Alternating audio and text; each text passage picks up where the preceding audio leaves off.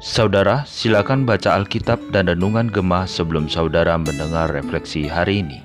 Shalom Bapak Ibu yang dikasih Tuhan, kembali lagi kita masuk di dalam refleksi Gemah pada hari ini. Sebelum kita akan merenungkan firman Tuhan, mari kita berdoa terlebih dahulu.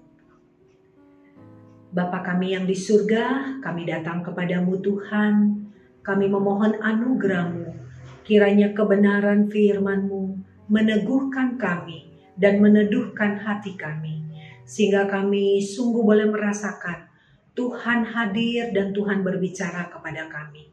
Kuatkan setiap kami Tuhan, jikalau ada di antara kami yang sedang bergumul Tuhan, jikalau ada di antara kami yang sedang kehilangan iman kami, berkati kami, berkati hambamu yang menyampaikan firman, biarlah dia diurapi secara khusus oleh Tuhan, sehingga setiap perkataan yang keluar dari mulutnya, itu semua datang dari Tuhan. Berkati Tuhan, berkati setiap kami. Di dalam nama Tuhan Yesus kami berdoa. Amin. Pembacaan firman Tuhan kita di dalam Injil Yohanes pasal 20 ayat 24 sampai ayat yang ke-29. Injil Yohanes pasal 20 ayat yang ke-24 sampai ayat yang ke-29. Saya akan membaca untuk kita semua. Demikian firman Tuhan. Tetapi Thomas, seorang dari kedua belas murid itu yang disebut Didimus, tidak ada bersama-sama mereka ketika Yesus datang ke situ. Maka kata murid-murid yang lain itu kepadanya, "Kami telah melihat Tuhan." Tetapi Thomas berkata kepada mereka, Sebelum aku melihat bekas paku pada tangannya dan sebelum aku mencucukkan jariku dalam bekas paku itu dan mencucukkan tanganku dalam lambungnya, sekali-kali aku tidak akan percaya. Delapan hari kemudian murid-murid Yesus berada kembali dalam rumah itu dan Thomas bersama-sama dengan mereka. Sementara pintu-pintu terkunci, Yesus datang dan ia berdiri di tengah-tengah mereka dan berkata, damai sejahtera bagi kamu. Kemudian ia berkata kepada Thomas, taruhlah jarimu di situ dan lihatlah tanganku. Ulurkanlah tanganmu dan cucukkan ke dalam lambungku dan jangan engkau tidak percaya lagi, melainkan percayalah. Thomas menjawab dia, Ya Tuhanku dan Allahku. Kata Yesus kepadanya, Karena engkau telah melihat aku, maka engkau percaya. Berbahagialah mereka yang tidak melihat namun percaya. Bapak Ibu yang dikasihi Tuhan,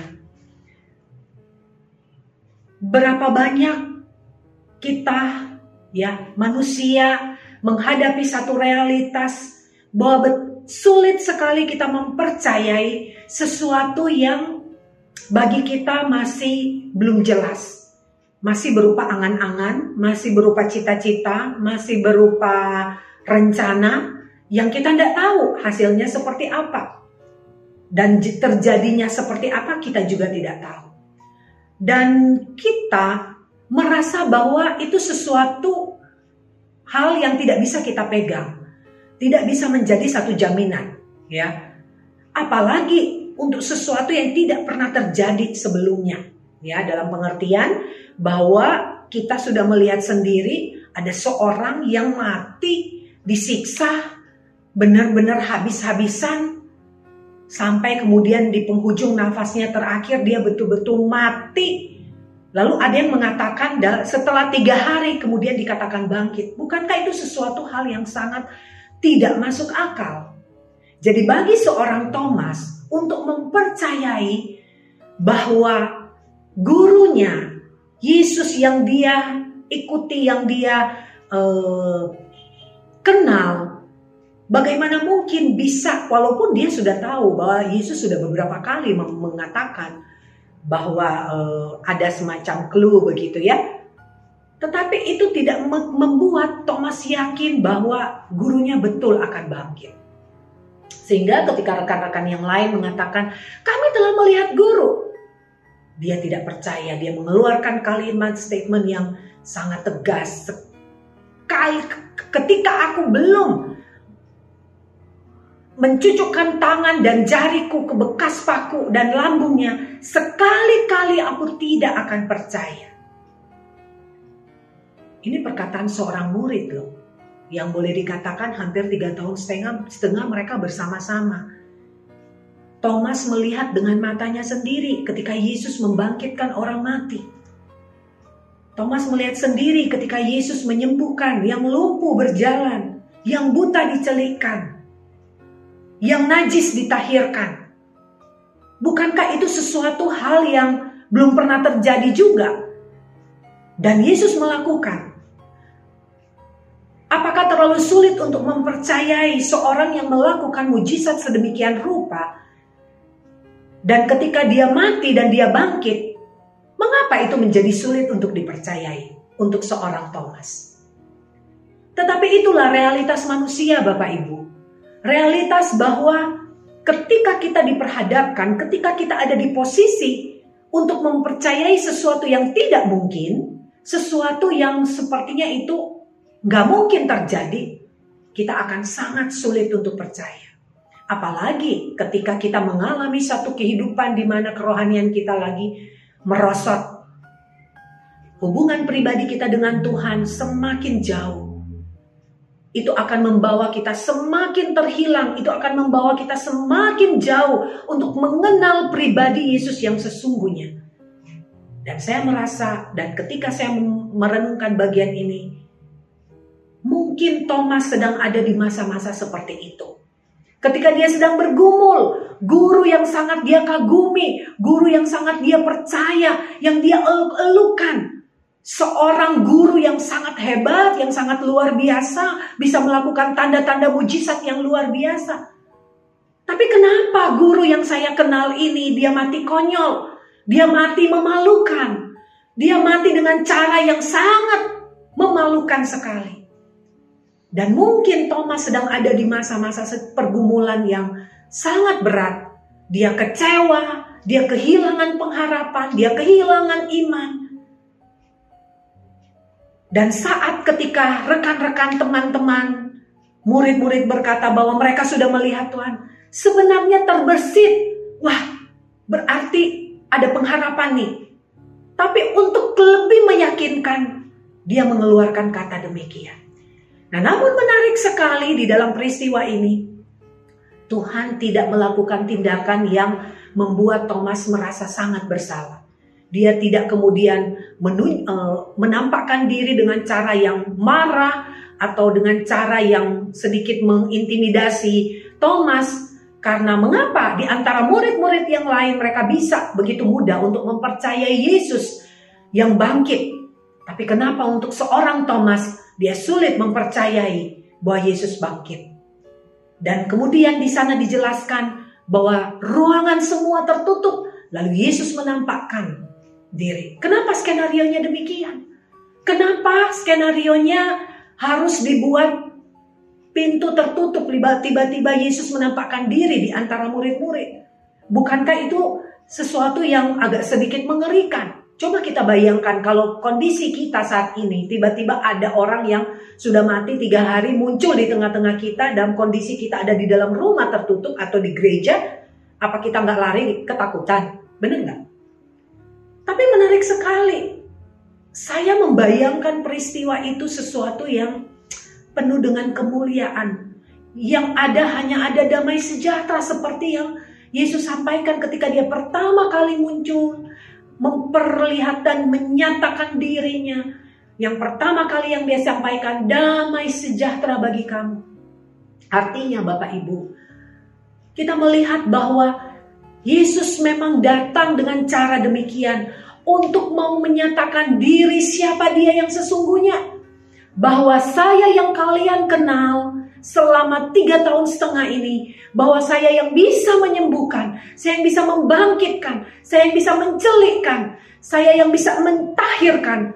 Saya adalah orang yang sama yang bisa juga bangkit dari kematian karena saya memiliki kuasa kebangkitan itu sendiri. Saya tidak perlu dibangkitkan oleh yang lain, tapi saya bangkit karena saya adalah Allah, saya adalah Tuhan. Karena saya memiliki kuasa kebangkitan itu.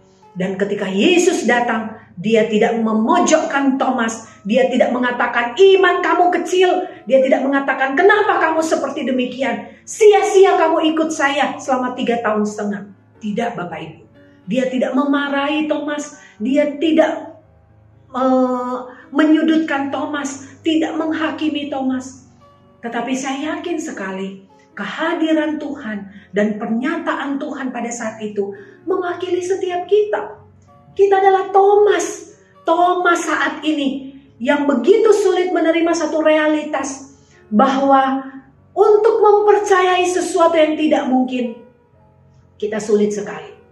Kita selalu pengen bukti, kita selalu pengen sesuatu itu masuk logika kita. Ketika itu masuk ke logika kita, ketika itu sesuatu yang masuk akal, baru kita bisa terima. Ketika itu sesuatu yang kelihatannya tidak masuk akal, orang langsung mengatakan omong kosong. Nggak mungkin. Bahkan orang percaya loh Bapak Ibu. Orang percaya pun melakukan hal demikian. Nah hari ini kita diundang dan diajak. Kita sudah memperingati kebangkitan Kristus. Mari kita mau mempercayai bahwa dia adalah Allah, dia adalah Tuhan itu sendiri. Dia memang manusia, tapi dia datang dengan misi khusus. Tapi dia tetap Allah, dia tidak berubah, dia tetap memiliki kuasa. Dan biarlah kuasa kebangkitan itu membangkitkan setiap kita sebagai umat. Sehingga apa yang dikatakan Yesus, berbahagialah buat setiap kita yang tidak melihat namun percaya.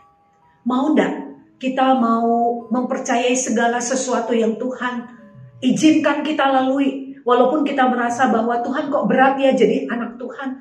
Berat ya ternyata ikut Tuhan. Tapi kita mau tetap setia, kita mau tetap percaya. Bapak Ibu, ini saat-saat perenungan kita untuk lebih percaya. Karena bukan hanya Thomas yang demikian, kita pun melakukan dan bahkan sering melakukan hal yang sama seperti yang Thomas lakukan. Tapi Tuhan tidak menghakimi kita. Dia begitu lembut. Dia datang dengan cara yang meyakinkan kita bahwa dia memang adalah Tuhan.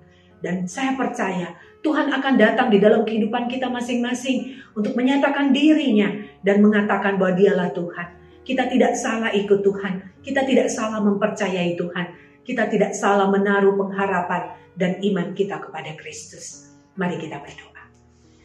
Bapa kami datang kepadamu. Kami sungguh mengakui seluruh keberadaan dan kelemahan kami Tuhan. Ampuni kami jikalau di dalam perjalanan hidup kami. Betapa sering Tuhan kami meragukan Engkau. Kami kehilangan pengharapan dan iman. Karena ke keadaan dan kondisi hidup yang begitu sulit.